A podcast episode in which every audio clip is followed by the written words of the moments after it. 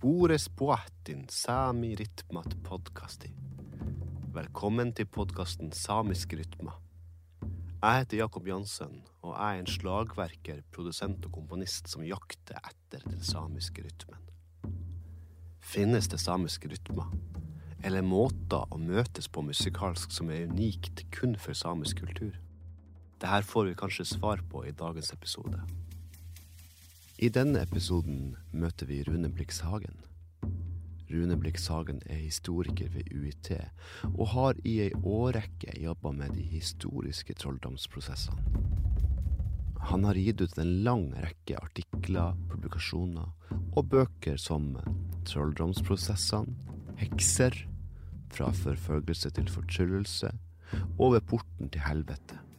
Han har undervist og uteksaminert hundrevis av studenter i trolldomsemner. Og Hagen er en etterspurt og prisbelønna formidler, og har holdt utallige foredrag for et allment publikum om både hekser, trolldomsforfølgelse og en rekke andre emner. I denne episoden vil vi ta for oss hovedsakelig rettssaken mot Pauloente, Anders Paulsen. Rettssaken er unik fordi den gir oss parloente Anders Poulsens vitnesbyrd om noe di vuota, beskrivelse av trommer og spill på trommer. Alt dette fra en justisprotokoll fra 1692. I tillegg vil vi gå inn på trolldomsprosessen, og da dens innvirkning mot samisk religionsutøvelse. Boris Boatin, Rune Blikksagen. Kan du starte med å fortelle litt om hekseprosessene mot samer i Nord-Norge mellom 1593 til 1692?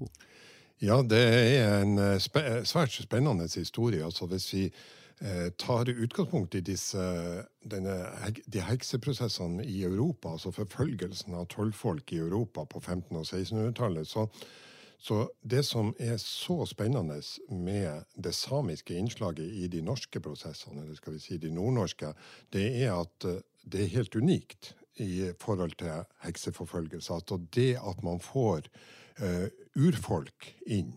Altså Urfolk overalt, f.eks. indianere og, og, lignende, er jo mistenkt for å drive med trolldom, men de, de, det er veldig sjelden at de kommer inn i disse trolldomsprosessene. Det er mer de vanlige kvinner og, og lignende rundt omkring. Men altså i Nord-Norge og for så vidt på Nordkalotten så får vi altså et ganske betydelig innslag av urfolk i disse hekseprosessene. Og det gjør akkurat dette med det samiske innslaget i trolldomsprosessene veldig, veldig spennende.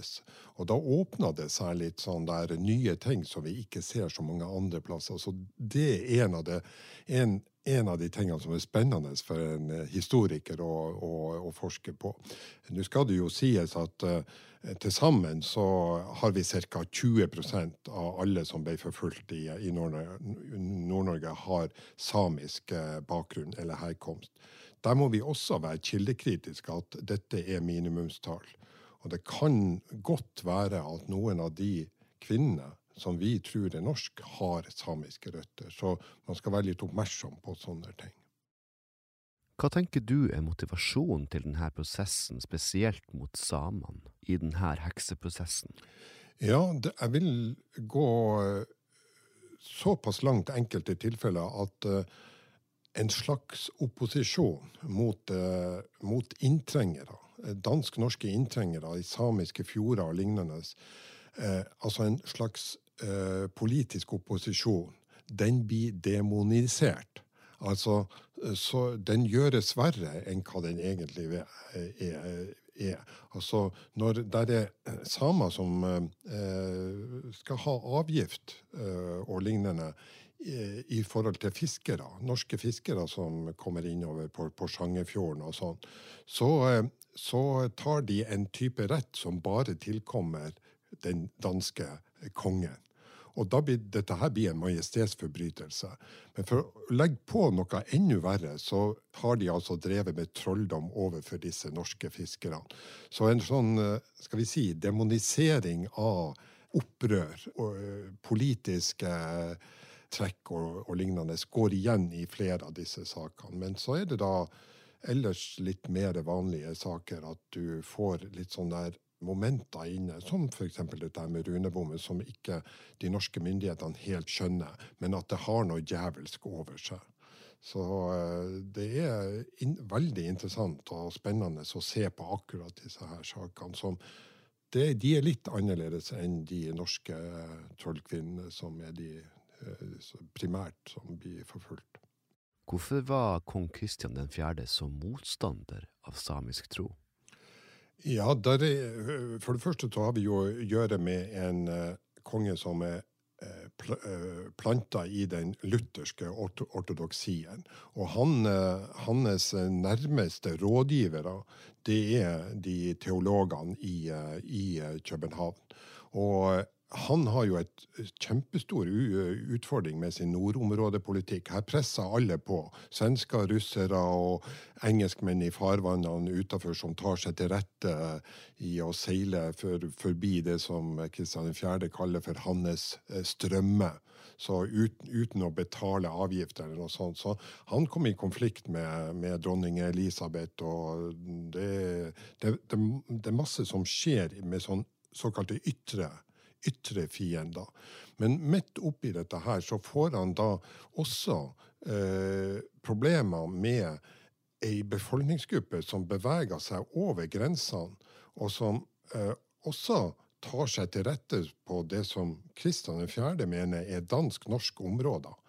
Og da får vi at en, i tillegg til disse, alle disse ytre konfliktene med svensker, russere osv., så, videre, eh, så får vi altså en type indre fiender. Eh, så her er en sånn der eh, mekanisme som at ytre fiender forsterker opptattheten av indre fiender, og, og motsatt. Så han befinner seg i en nokså nok eh, trengt posisjon.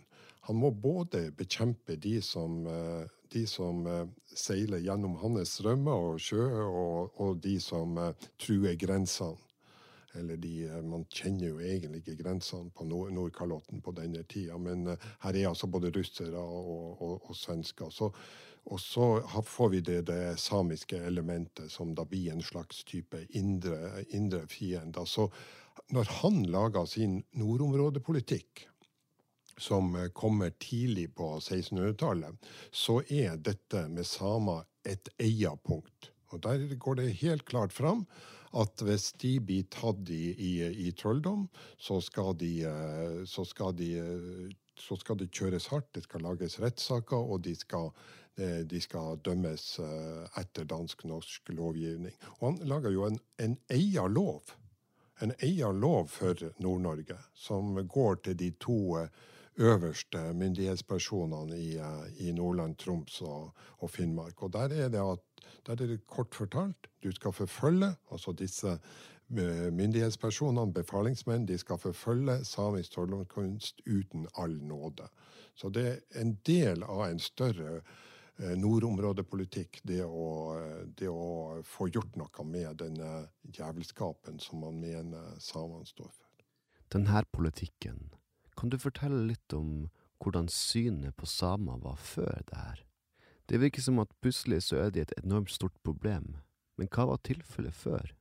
Ja, altså da, da Tilfellet før er mer at de på en måte eh, får leve ut sin eh, egen religion og sine, sine egen liv og sin egen livsførsel eh, med, med reindrift og, og, lignende. Altså, det som skjer på slutten av 1500-tallet og begynnelsen av 1600-tallet, er jo at nordområdene kommer i søkelys. Altså, det blir plutselig kjempeinteressant og viktig uh, for uh, kongen som sitter i København, å få gjort noe med det usikre området der, der nord. Og da kommer det, det, den samiske urbefolkningen i en helt annen sammenheng. Da blir de plutselig interessant og ei utfordring for, eh, for konge, kongemakta. Så de, de, de, får mye større fokus Eh, når eh, nordområdepolitikken på en måte blir, eh, blir viktig for det dansk-norske regimet på, på, denne her tida. Enn med Sverige, Finland og Russland på den samme tida. Hvordan føres politikken der?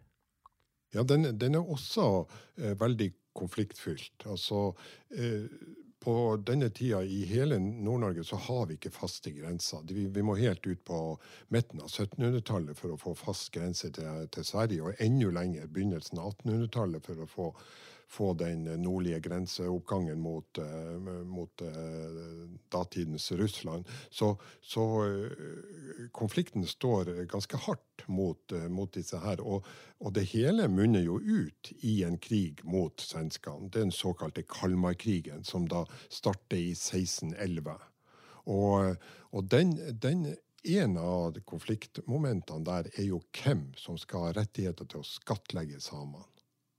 Altså, både russere, svensker og danske norske de mener at de skal skatte samer. Og dette er de samme samene som beveger seg både på svensk, russisk og, og, og norsk eh, område. Så på et tidspunkt er det faktisk, eh, så det er faktisk skattlegging av samer fra tre, et, fra tre stater den russiske Altså de samene som beveger seg over, over grensa med reinflytting og lignende. De blir altså skatta på et tidspunkt, og da er vi på begynnelsen av 1600-tallet, av tre. Tre, tre stater. Og dette blir da så store konflikter at det regelrett eh, blir krig mellom eh, Danmark, Norge og Sverige. Og det er den såkalte Kalmarkrigen fra 1611 til 1613 som Kristian 4. Eh, går seierrik ut av. Og eh, når det er det samiske, så, så er det da bare eh, den dansk-norske staten som har anledning til å skattlegge samene. Og dette her med Russland, det, det gjøres opp i, i, i forhandlinger. For øvrig den eneste krigen som Kristian 4. går seierrikt ut av. Ellers så taper han. jo man kjenner jo Jämtland og Herjedalen og Bohuslän. kan du fortelle litt om hvordan eh, samfunnet ser ut i Finnmark og Nord-Norge generelt? Spesielt med tanke på norske og samiske samfunn? Ja, altså vi har jo eh, litt av det samme som vi har sett i senere tida. At vi, det, vi har det som kalles eh, sjø- eller kystsamer, som er mer eller mindre bo, eh, bofast, og som, og, og som ernærer seg av, av, fiske. Og som da særlig ikke, så mye helt ute mot kysten, men som befolker disse store fjordene i, i, i Finnmark. Sånn som Porsangerfjorden, Altafjorden og, og, og lignende.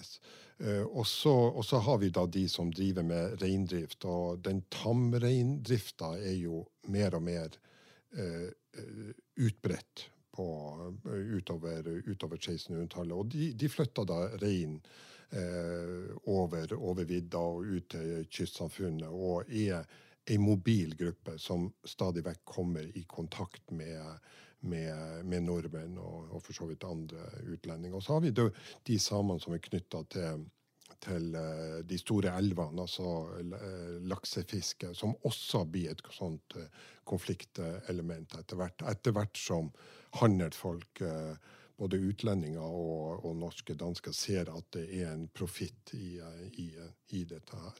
Så det er veldig mange sånne konfliktelementer som involverer ulike samiske grupperinger utover, utover 1600-tallet. Hva tenker du om relasjonen mellom det samiske og det norske folk på denne tida i 1600-tallet?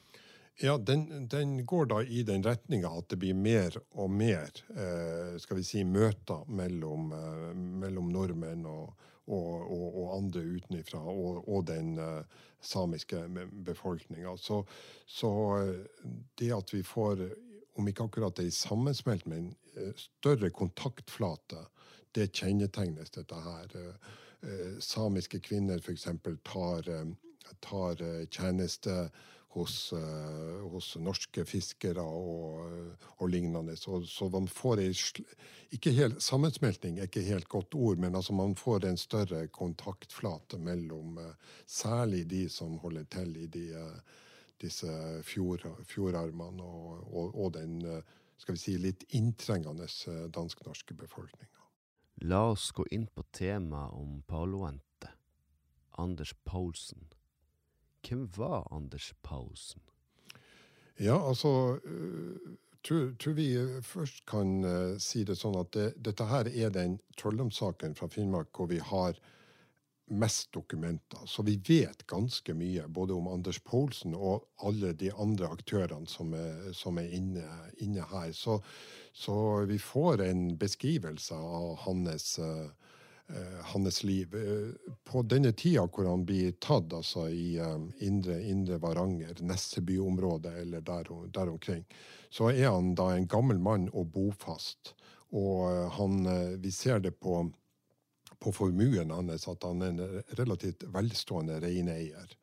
Som da eier rein sammen med, med sine sønner og, og lignende. Men men han kommer jo da fra eh, det vi i dag sier, kaller for svensk-finsk område. Eh, og har da eh, nære relasjoner både til, ja, til Utsjok og, og, også de lengre, ja, lengre innliggende områdene i dagens Finland og, og og Sverige. Og så har han da også bodd ute, ute ved kysten. Vi ser at han, skal, han skattlegger til Ingøy og, og, en del andre plasser i løpet av et langt liv. Han sier sjøl at han er fem nes øh, øh, år, år, ti år gammel, altså, øh, altså 100 år gammel. Det er, nok, det er nok litt overdrevet, men at han, en, gammel, at han er en gammel gammel mann det, det, i slutten av sitt liv, det, det går det fram av dette her. Og så kan man vel også si det sånn at han er han er store kunnskaper om, om sitt, sitt, felt, reindrift, og etter hvert denne her runebommen. Og en som ja, Han gir et godt inntrykk, vil jeg vel si. Altså en som er godt orientert. Eh, vet hva han snakker om og har, eh, har kunnskaper. Han blir pågrepet i 1691, som er året før rettssaken. Kan du fortelle litt om selve pågripelsen? Ja, den, eh, altså Saken foregår i, i, i Vadsø, men, men, pågripelsen foregår der han holder til. Og, og det som, som, jeg har vært inne på, altså indre Varangerfjord, Ness, Nesseby-området. Og, og der eh, har det vært noen konflikter i, i, eh, i samfunnet, eh, sannsynligvis mellom samer. Så de har angitt den til dansk-norske myndigheter, lokale, lokalmyndigheter. Så der er altså en underfogd som, som, reiser sammen med samiske lensherrer og, og på, pågripe han. Og denne tromma kommer i fokus med en gang. Altså de, de, det er denne her tromma som Han har tydeligvis brukt uh, tromma til å få kunnskap om Få en type kunnskap om sine eh, naboer som blir litt mis, mislikt. Det, det, vet vi ikke helt. Men, eh, men det er, et sånt um, Eh, moment i denne saken som går på at han kunne avsløre hvem som lå med hvem. Og dette her kan man tenke seg ble litt sånn konfliktfylt. Så i alle tilfeller så det, er han blitt angitt. Og, de norske, og da kommer de, de dansk-norske myndighetene eh, med denne underfogden inn. Og de pågriper både han og beslaglegger denne eh, runebomma. Og både han og runebomma blir da tatt med, frakta til eh, til eh, Vadsø. Og da uh, får vi da, så tilrettelegger man da for en ordinær eh, trolldomssak som kommer opp i februar 1692. Og er det her en unik sak på denne tida også? Har de noen normal praksis for å behandle Palo Ante og denne saken? Nei, altså de eh, helt, eh, helt, riktig som du sier, denne her saken skiller seg fra alle andre eh, trolldomssaker. Eh, det ene var jo at den er så godt dokumentert, men, men, først og fremst så er det pga. denne tromma som, som bifokus. Altså fra tidligere saker mot, mot samiske folk så i, en sak mot en som heter Kive Bårdsen fra Altafjorden, fra Årøya i Alta, i 1627. Eh, altså flere tiår tidligere. Så er runebomma også inne i bildet, og den blir beskrevet. og men det er ikke det som er fokus. Men nå kommer, altså, kommer selve tromma i fokus i, i 1692 med Anders Poulsen. Og det er stort sett den tromma det dreier seg om. Han, han beskriver, han spiller jo for dem i, i, i rettssalen og, og, demonstrerer den i bruk. og og eh, disse som følger saken og noterer det ned, de er oppriktig interessert i dette her. Og det er noe nytt. Ja, fortell. Fortell hva Pauloante Anders Paulsen forteller i rettssalen. Ja, altså det er jo Altså, denne tromma er jo beslaglagt, og den er da i uh, i eh, norsk besittelse. Nå, nå, er det da sorenskriveren som kommer, Nils Knag. Ung, ung sorenskriver som er nylig ansatt. Og, og, den er da i hans varetekt. Og det, når rettssaken da starter i, i, februar 1692, så blir altså denne trommelen lagt fram på rettens bord som en, på en måte et slags ja, bevis, gjenstand. Og saken åpner jo da med at han tar opp denne tromma og, og demonstrerer for for rettstribunalet hvordan han bruker trommer. Og han forteller jo da Vi får jo en sånn eller Referatene går jo ut på at han snakker med sine, sine uh, guder.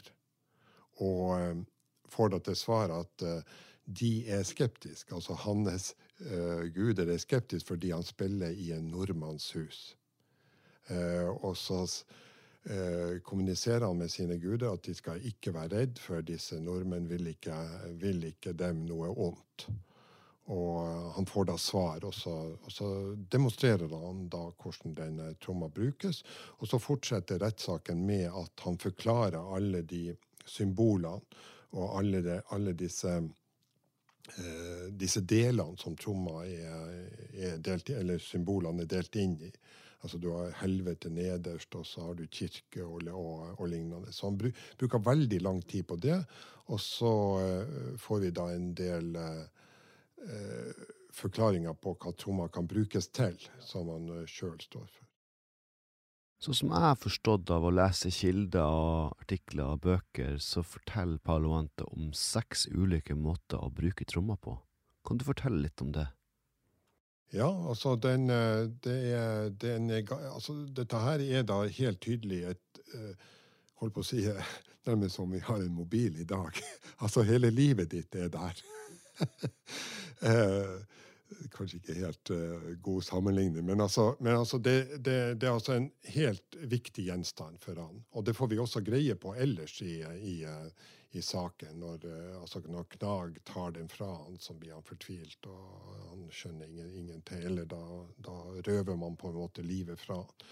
Så han beskriver da altså disse her seks punkt, punktene. og og de um, ja, Mye handler om en slags spådomskunst. Det å kunne se inn i framtida.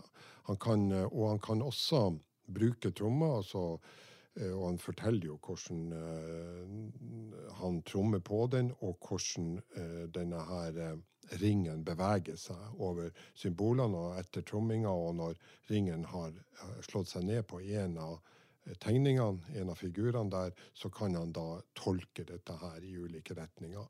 Så han kan jo fortelle, fortelle noen, altså gi nyheter fra København, hva som skjer, skjer der. altså Eh, nyhetsformidling er det ene, og så er det jo dette her med å se inn i, i, i framtida.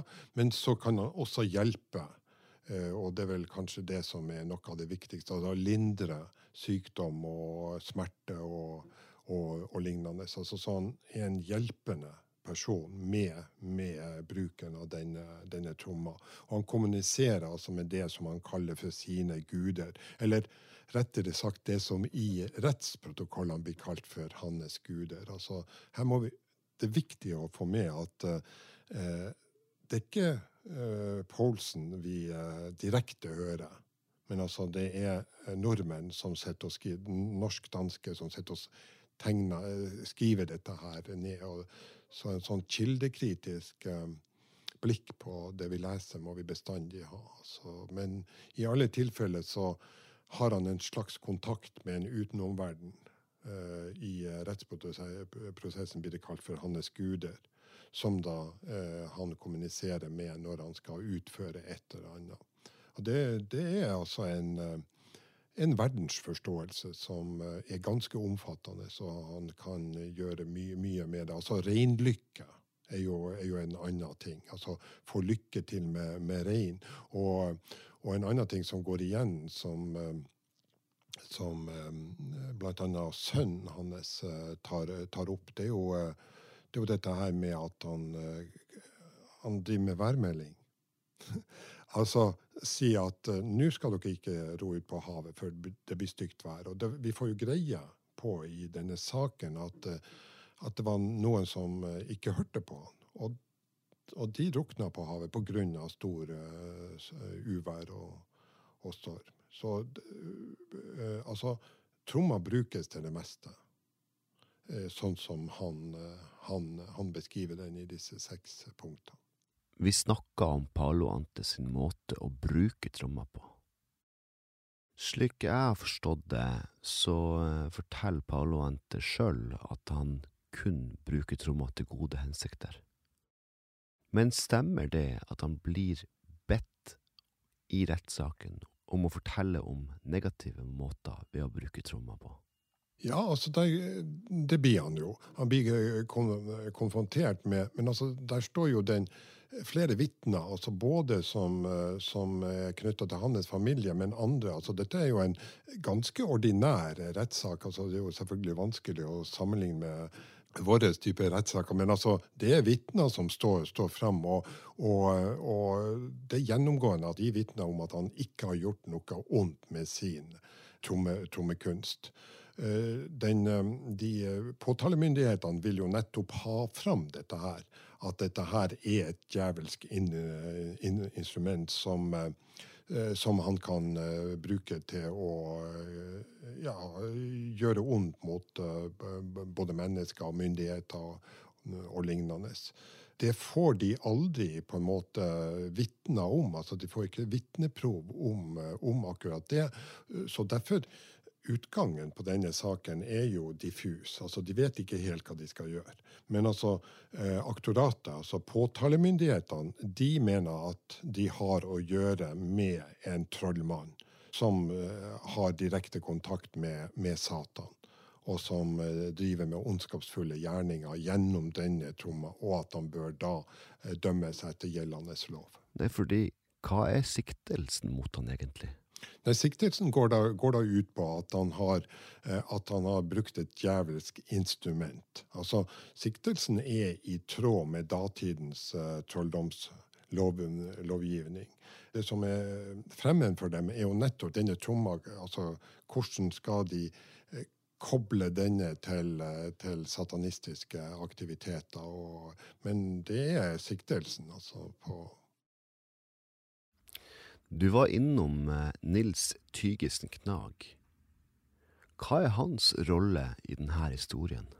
Ja, den er, den er litt spesiell. For, eh, det er spesielt for eh, Finnmark, Øst-Finnmark på denne tida at han er både fogd og sorenskriver.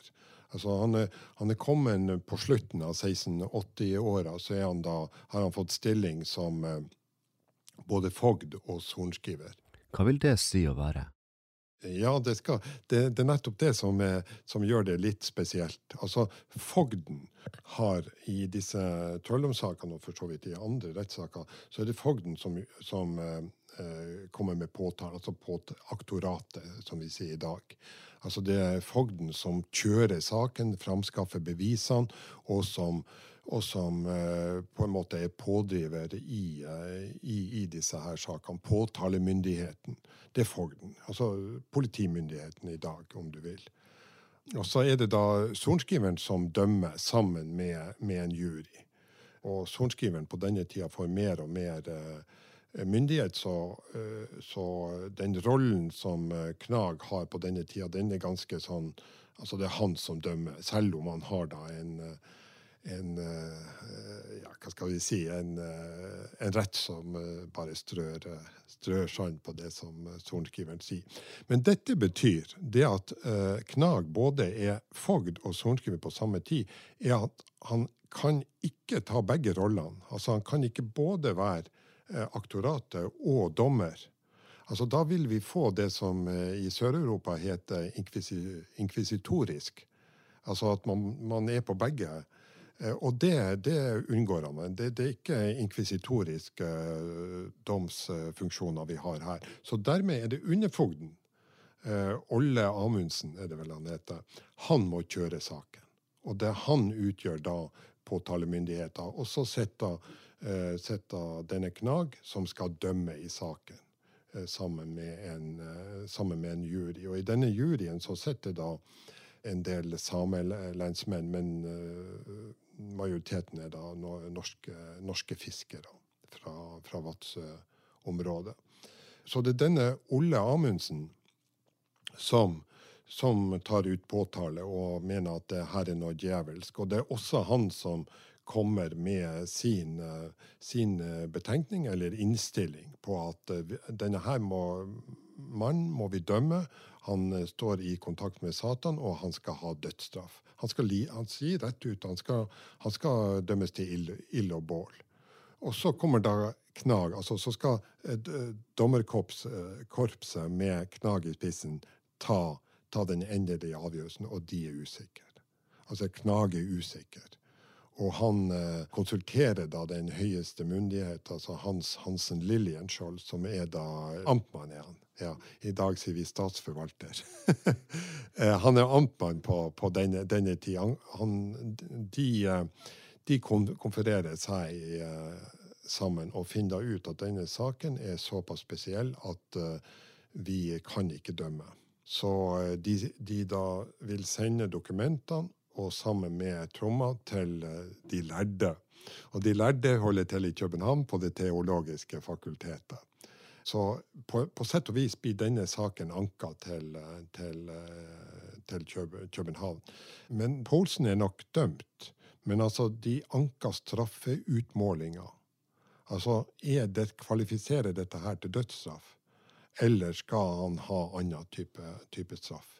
I hvert fall så er det ingen utgang på den saken i, eh, i, i, i Vadsø, og han blir da satt i forvaring. Ut ifra kilder jeg har lest eh, om saken, deriblant eh, dine tekster, så kommer det fram at eh, Nils Tygesen Knag har en fascinasjon om Paolo Ante, og spesielt tromma og det kommer frem at han gjør nærmest spill mot Anders Paulsen. Ja, det, det er veldig interessant. Altså, på den ene sida har vi disse skal vi si, offisielle rettsdokumentene som står i tingbøkene eller uh, justisprotokollene.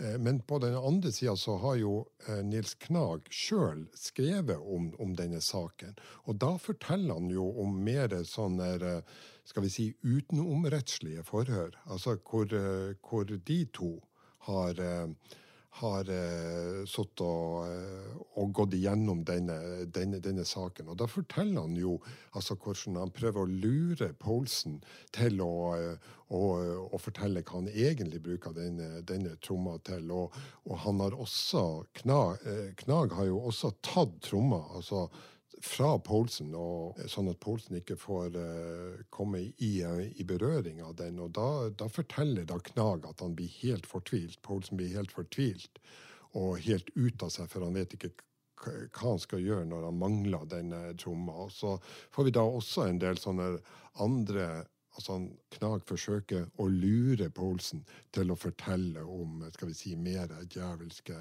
aktiviteter. og så og så får vi da høre Knag fortelle at han kommer tilbake. at Han leverer denne tromma til, til Poulsen, og da blir Poulsen lykkelig og eh, finner seg til rette igjen og prater videre, videre om saken. Så, Det, det er interessant å, å lese altså, de ulike dokumentene altså, og sette de sammen. og Da får vi et veldig sånn, godt overblikk over denne saken. Og som ikke det var nok, så har også denne her eh, amtmannen Hans Hansen Lillertson han har også skrevet om saken, for han følger jo saken. Han har også skrevet om saken. Og så er det også en historie jeg har bitt meg merke i, og nå må du bare arrestere meg hvis jeg sier feil, at Knag spør Paoloante om han kan lære han å spille på tromma. Ja, ja da. Ja, altså, Knag tar den rollen at han vil lære uh, runekunsten. Han vil lære å spille på uh, tromme. Og uh, dette, dette, går da ikke. Altså, Det kan ikke Poulsen gjøre. Han kan ikke lære bort kunsten til en nordmann. Men altså, han uh, Oppriktig så vil han lære dette her, men, men, samtidig får vi jo høre at det er noe han prøver å lokke eh, Poulsen med for å få han til å eh, komme med en slags tilståelse eller utførlig beskrivelser. beskrivelse. Paolo Anteby også spurt i rettssaken hvor han har lært det fra. Og da har det jo kommet litt forskjellige svar ut ifra forskjellige avhør. Kan ikke du fortelle litt om det? Ja, han eh, I det første forhøret, eh, så, og det er vel et av disse med Kna, kanskje, så sier han jo at han har lært hos mora si. Altså eh, i, i finsk, finsk Lappland. Og vi får også høre om at, i hvert fall sånn som det står i disse kildene, at han var vill og gal når han lærte. Altså, en slags sjamanistisk transe eller, eller, eller, noe sånt. Eh, men, men, eh, men seinere, altså under selve rettssaken, så går han jo fra dette her. Og, og, og forteller at eh, han navngir en, en, en person i, i, Finland hvor han, har, hvor han har lært å spille på rune, runebommen. Og han sier vel også at, at han har fått runebommen fra, fra finsk hold. Hva er din oppfatning om hans vitnesbyrd i rettssaken? Ja, igjen er det jo dette her med eh, dokumentene. Vi skal være oppmerksom på at det er nordmenn, eh, danske, norske myndigheter som sitter og nedtegner dette her. Og, og så, eh, for en historiker det er jo spennende hele, hele tida. Altså, hvordan skal vi tolke dette her? Og det som gjør det så fascinerende, er at vi har flere sånne uh, skriftlige kilder vi kan uh, ja, sam sammenligne og, og, og, lignende. Så jeg tror vel det er både òg. Altså, jeg tror når vi er inne på det som står om disse seks punktene, altså hvor Anders Poulsen går igjennom både runebommen, altså disse her radene på runebommen, og også når han forteller hva han bruker tromma til, så tror jeg det er ganske autentisk. Altså, da tror jeg Eh, vi får høre hva Poulsen egentlig eh, mener. Men så, men så, er det jo andre tilfeller hvor eh, altså dette her med djevelens instrument kommer inn i bildet, og, og tolkning av en del symboler med helvete og, og, lignende, hvor kanskje det er mer den kristne forståelsen som, som ligger, ligger til grunn. Så det, jeg syns det er litt vanskelig å si. Og dette her er jo blant, eh, blant forskere, religionsvitere, historikere og, og, lignende. Dette er jo virkelig det som er eh, omdiskutert i denne, denne, her saken. Hvor mye samisk religion hører vi egentlig om her, og hvor mye er den påvirka av, den, av denne her konteksten med en rettssak? Altså eh, og hvor, i hvor stor grad prøver Poulsen å tekkes eh, nordmenn. Altså F.eks. dette her med at han viser til ei kristen kirke på, på runebommen. Nå snakker vi jo om trommesymbolene. Vi skal gå inn på dem i detalj, men først, jeg vil bare gå inn på en annen ting i forbindelse med hans vitnesbyrd. Slik jeg forstår det, så snakker han samisk i rettssaken, og det er en tolk der som er en del av aktoratet Stemmer det? Ja, han har en uh, samelensmann som, som er tolk, ja. Så hvis man tenker på informasjonsflyten her, så går Paloante sitt utsagn først til aktoratet, deretter til justisprotokollen, og så til oss. Ja, det, det igjen, dette her er kjempeviktig. Altså, i, han har nok uh, han behersker norsk, nok norsk, og jeg vil vel tro at en del av disse her samtalene som har med Knag, de, de går nok på et språk som begge, begge to forstår. Men altså, det, i, i, i hvert fall en del av denne rettssaken, da er det altså Vi får høre at han snakker karelsk, altså en finsk eh, dialekt. Og at dette blir da tolka eller oversatt av en samelensmann. Kommer det frem at han prater samisk, eller? Ja, altså det står karelsk, er, begrepet som, som, brukes. Men, men, det kan vel altså finsk eller, eller samisk. Så, så, og det gir jo igjen nye, nye problemer i forhold til, til kildene. Altså, hvordan foregår denne her tolkinga, og hvor eh, den som tolka, altså samelensmannen som tolka dette her og formidler det videre til det norske rettstribunalet, eh, hva som skjer der i denne type formidling. Altså, så det, selv om eh, vi har så gode kilder her, eh, så er det så mye vi ikke vet helt sikkert. Og som da gjør at eh, denne diskusjonen om Poulsen blir veldig fascinerende, altså når ulike vitenskaper går inn i den. Hvis jeg tolker litt, og du får bare arrestere meg her, Rune, så kommer det frem for meg at Nils Knag og Paloante snakker sammen i et språk de begge forstår. Så når man da tenker på rettssaken der han prater samisk, så kan det at han bruker samisk i rettssaken kanskje oppfattes som et eh, politisk signal? At han velger et språk som Tromma forstår? Hva tenker du?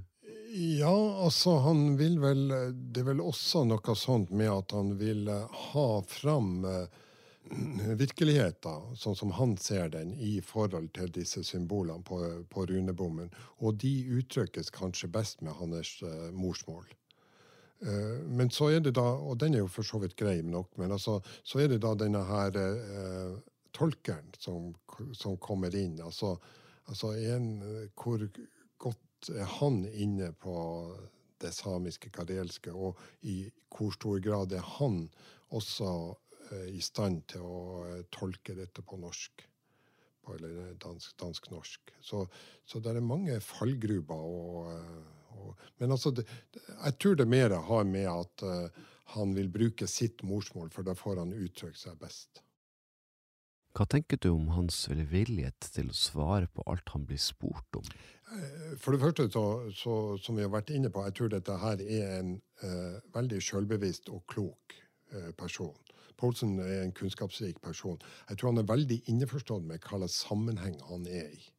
Altså Han er i en eh, alvorlig uh, sammenheng. Han skjønner kanskje ikke hvorfor at, uh, at dette her er så voldsomt interessant for, for nordmenn, men, men, han skjønner etter hvert at han har at han er mistenkt for, for trolldomskunst, og prøver da å, å gi en forståelse av dette her som eh, ikke passer helt med, med, det som nordmenn oppfatter som, som, trolldom.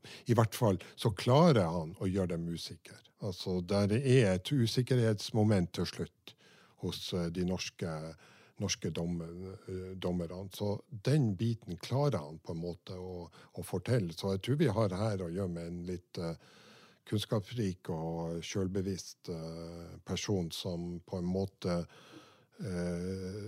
forstår veldig godt hva slags sammenhengene er i, og vet å utnytte det, kanskje til sin, sin fordel. Interessant.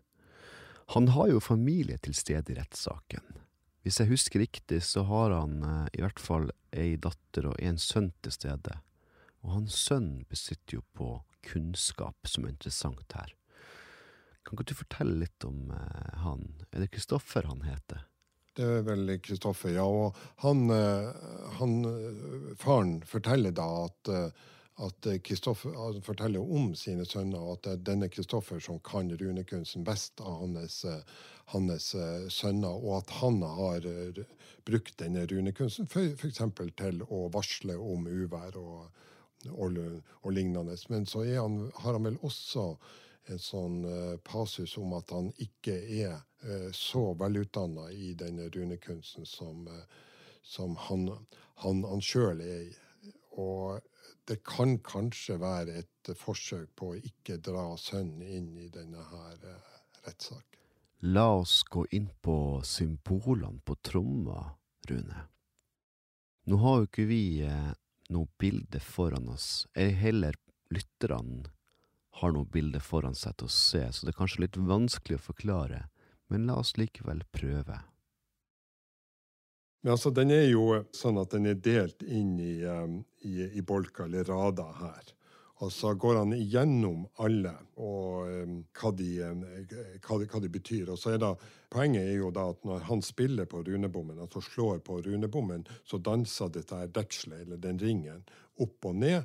Og um, når han er ferdig med å spille på runebommen, så er da ringen på en av disse symbolene, og så tolker da Paulsen uh, ut fra sin verdensforståelse hva dette her uh, uh, her betyr. Så, så altså, runebommen er en slags kompass eller en verdensanskuelse, rett, rett, og slett, som da Paulsen er Når han kjenner bruken, så vet han å, å, å, å tolke hva dette her Hva hans guder eller hva man kaller de for, mener med dette her.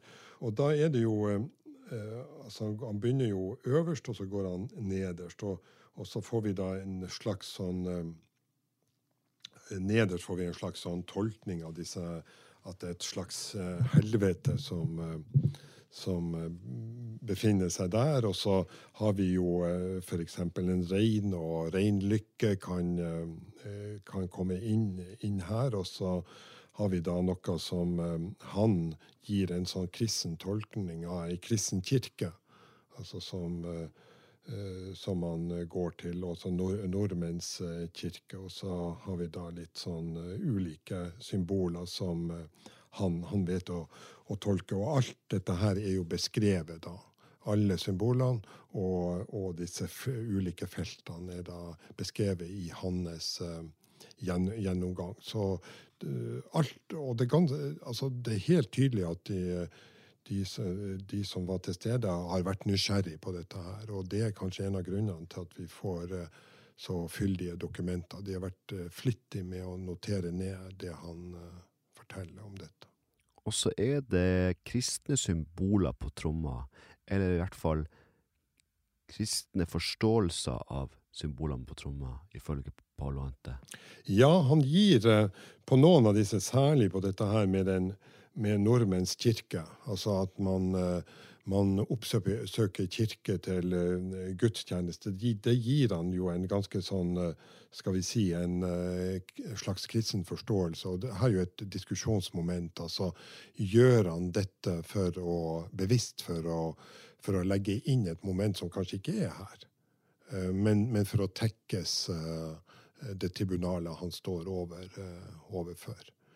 Eh, så eh, det er store rom for diskusjon i forhold til det han, det han sier.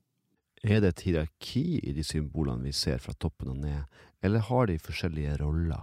Ja, det er både òg. Altså det, det, er jo et slags uh, hierarki i den, i den, forstand at vi har et, en bunn her, uh, her, her, nede, og så blir de da på en måte viktigere og viktigere dess lenger man kommer opp Uh, men altså, i bunnen så er det jo eh, i en, i en sånn samisk sammenheng så vil man kanskje snakke om et slags dødsrike, men i, i, eh, i, i denne rettssaken så blir det jo kalt for et helvete. Og, og, og Satan opererer her med sine demoner og lignende. Så det, det er helt tydelig et sånt kristent element som kommer, kommer, inn da, for å gjøre denne saken farligere enn hva Poulsen sjøl legger Interessant, Rune. Du fortalte om at eh, de måtte be om rådgivning og domfellelse fra København. Kan ikke du fortelle litt om hva som skjer eh, i ettertida her? Ja, altså For det første så er, det, så eh, er dette her ikke helt uvanlig. Altså når er man er man usikker, eh, og det trenger ikke å være i en heksesak, det kan være hvilken som helst annen sak, så er det mulighet til å anke dette her til, eh, til den høyeste rett i, eh, København. Men når det, og da, er det, da er det det teologiske fakultetet som uttaler seg. For alle forbrytelser har jo et eller annet sånn teologisk tilsnitt. og, og, og, særlig i, i, denne saken så er det da snakk om eh, hvordan teologene vil, eh, vil eh, forklare og, og, bedømme dette her. Altså, saken i Vadsø avsluttes jo med at uh, Knag har konsultert amtmannen, og de har funnet ut at uh, Eh, vi kan ikke avsi noe uh, dom, for dette her er, er for vanskelig. Det er ikke, det er ikke nedfelt i, i, i, selve lovene, trolldomslovene, så vi må ha de uh, skriftlærde til å komme med sin, sin mening. Og så, og så, blir da Poulsen da satt i forvaring. Så det som skal skje eh, hvis dette her Vi får eh, kom, kom tilbake hva som egentlig skjer. Men, men altså, det, som, eh, det, man legger opp da, er at uh, saksdokumentene og tromma uh, blir frakta til København, og så setter de, uh, de lærde og, og, tolker dette her, og så vil vi da få en ny sak i, Vadsø hvor denne her tolkninga fra Det teologiske fakultetet legges til grunn. og da det er jo da ei, veldig sånn streng luthersk tolkning som eh, eh, nok vil Ja, det er vanskelig å spekulere, men den har, har nok gått i retning av at eh, dette er en som fortjener dødsstraff. Men det er jo ikke det som skjer. Det er jo ikke det som skjer. Altså det, det som skjer i, i, i Vadsø, det er jo at uh, faktisk dagen etter rettsprosessen så blir jo han slått i hjel av en, uh, av en i uh, kildene beskrevet av en forrykt person.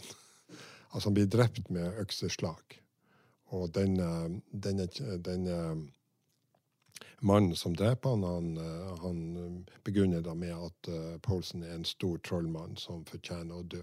Og tar, tar da på en måte saken i egne hender og, og slår han i hjel under forvaring i Vadsø. Og da får vi en ny, ny sak, altså en, en drapssak som er retta mot uh, mot denne personen som slo han i hjel. Men altså, da kommer det ennå fram flere momenter om Poulsen som, uh, som gjør at, uh, at, saken blir uh, At vi får enda mer interessant om, om, om Poulsen. Hvordan informasjonen om Paloante kommer fra da? Nei, altså Da får vi litt sånn mer Det er ikke så mye runebommen da som kommer frem, men altså hans ståsted, slekt og, og og lignende. Og eh, ja, vi får ganske mange sånne eh, personopplysninger akkurat i den, i den, i den saken. Og, det, og, den drapssaken ender jo med at uh, han er tjenestegutten som har drept Poulsen, han blir, blir kjent straffemessig, straffemessig utilregnelig. Altså, også på den tid kunne man altså han blir, eh, han blir forrykt, som, som, det heter. Altså en gal, gal, gal person. Og, og dermed så, så, eh, så, så flyter den, den, saken på en måte ut. Men altså Poulsen er da drept, og man får ikke noe svar fra København. Hvis vi går tilbake til rettssaken eh, der vi snakka litt om at Palavante spilte på tromma, er det noen beskrivelse av selve trommespillet? Ja, altså det står jo, eh, det står jo om at han, eh, at han uh, bruker da en slags stikke på å, å slå på, på, på, på, trommen. Og så har vi da det, som i, i kildene vil bli kalt for deksle, men altså det er jo en slags ring som da hopper opp og ned etter hans slag på, på, tromma. Og så, så det er jo det som er det Eh, viktig altså når eh, selve spillet foregår. Og så når han er ferdig med å tromme, så eh, tolker han da der denne her dekselet eller ringen eh, ligger. Og, eh, og, så, og, så, får vi da høre hva han eh, ja, hva som kommer, kommer fram. Altså dette her forutsetter jo da at man må jo se, se, det på at dette her er et instrument som da blir brukt i ulike sammenhenger. Altså folk som vil vite noe nyheter om folk som er ute, ute med rein, altså hvordan går det med dem. Og folk som vil vite, som skal ut på havet, de vil vite noe om, om været og, og, så, og så videre. Så han, han bruker jo denne tromma på oppdrag fra, fra folk i nære, i nærmiljøet.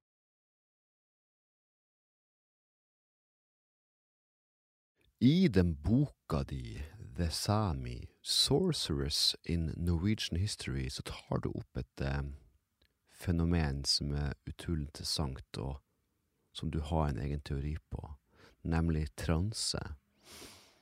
Fordi det du forteller om, er at i rettssaken så eh, bruker han tromma temmelig effektivt. Det er nærmest sammenlignbart med måten vi bruker smarttelefoner i dag. Og du har en teori om eh, bruk av tromme og konseptet transe som vi kjenner til i dag i forbindelse med samisk eh, religionsutøvelse. Kan ikke du fortelle litt om det?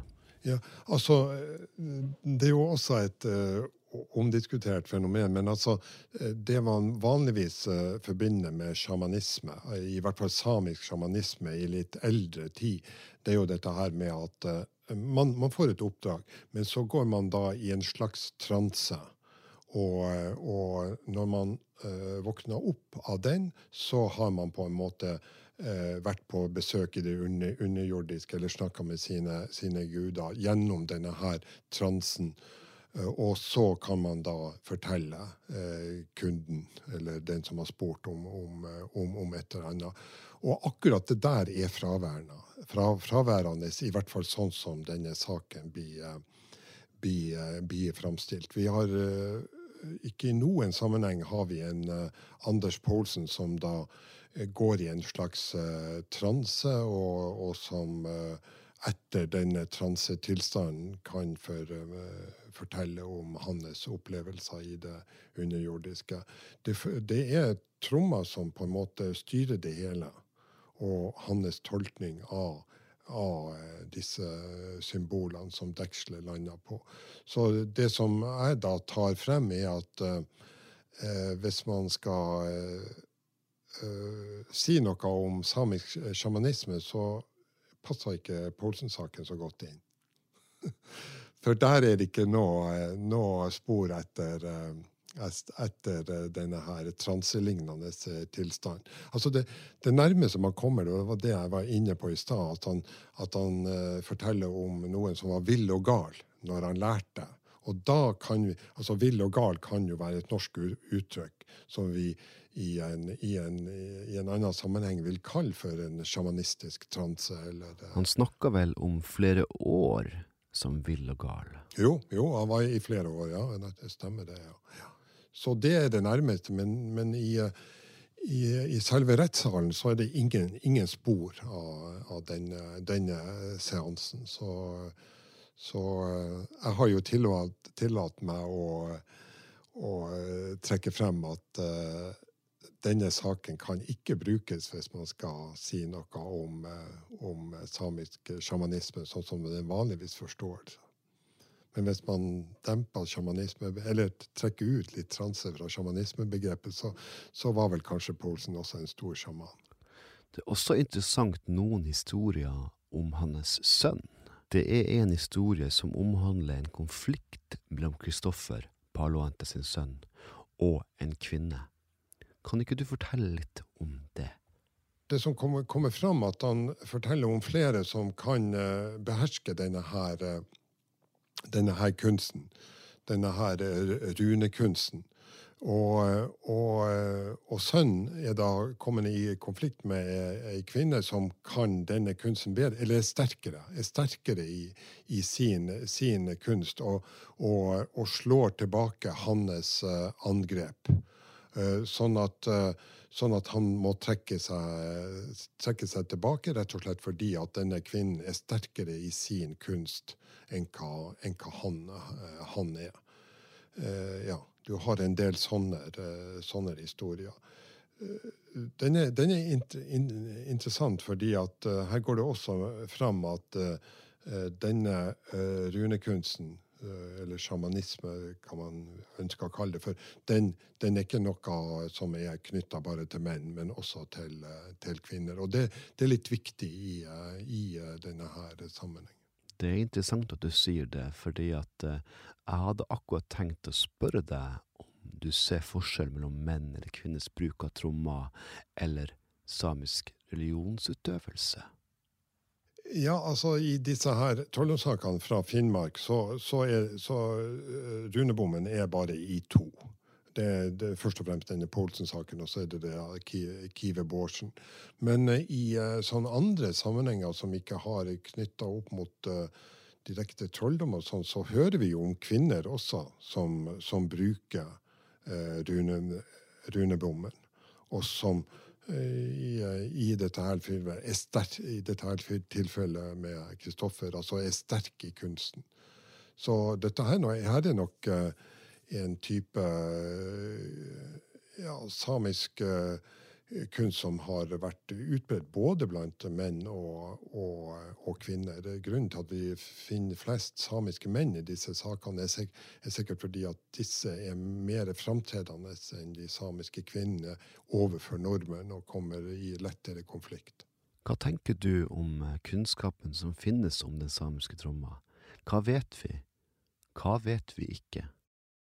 Ja, det, det er det er selvfølgelig et kjempespennende eh, spørsmål, men det er vel litt av det vi har eh, vært eh, inne på. Vi vet fortsatt ikke hvor skal vi si, hvor autentisk dette her er med, med Poulsen. Altså hvor autentisk dette her er i en, i en slags samisk naturforståelse, samisk religionsforståelse.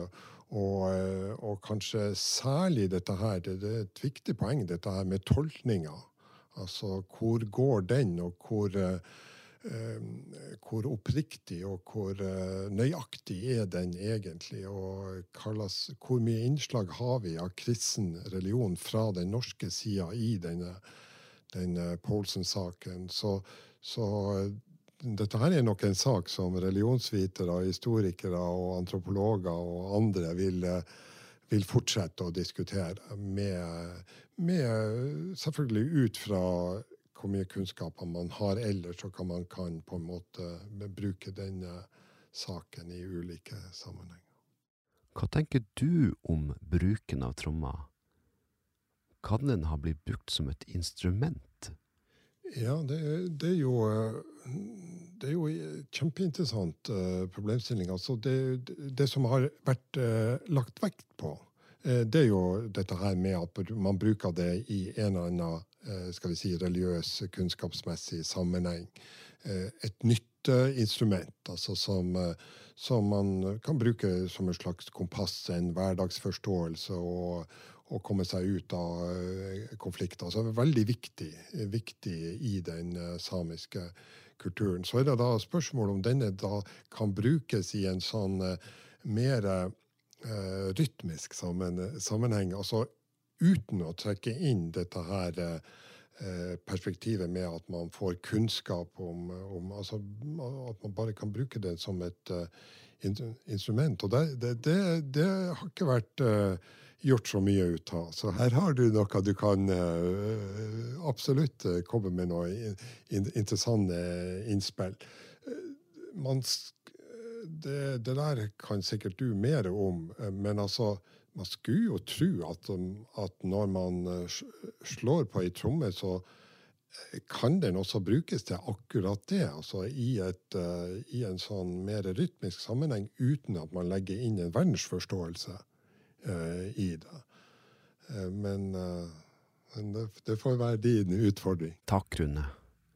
Stemmer det at dette var den siste trolldomsprosessen i Finnmark?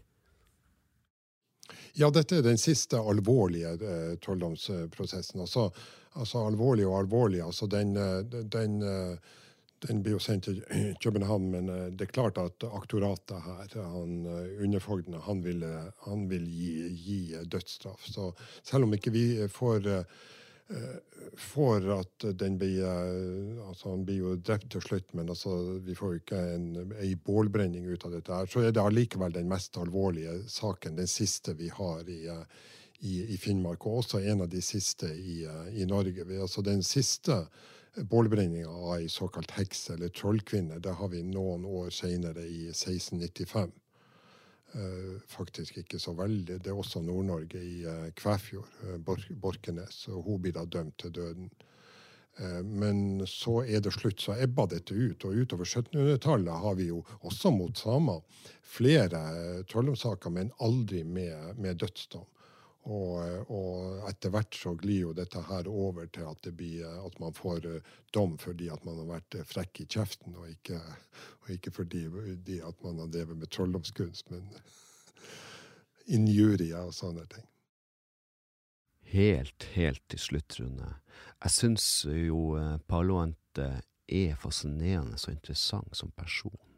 Altså, han var jo kanskje klar over situasjonen han var i å bli sikta mot noe sånt her på denne tida var jo eh, kanskje mest sannsynlig en eh, dødsdom. Hva tenker du?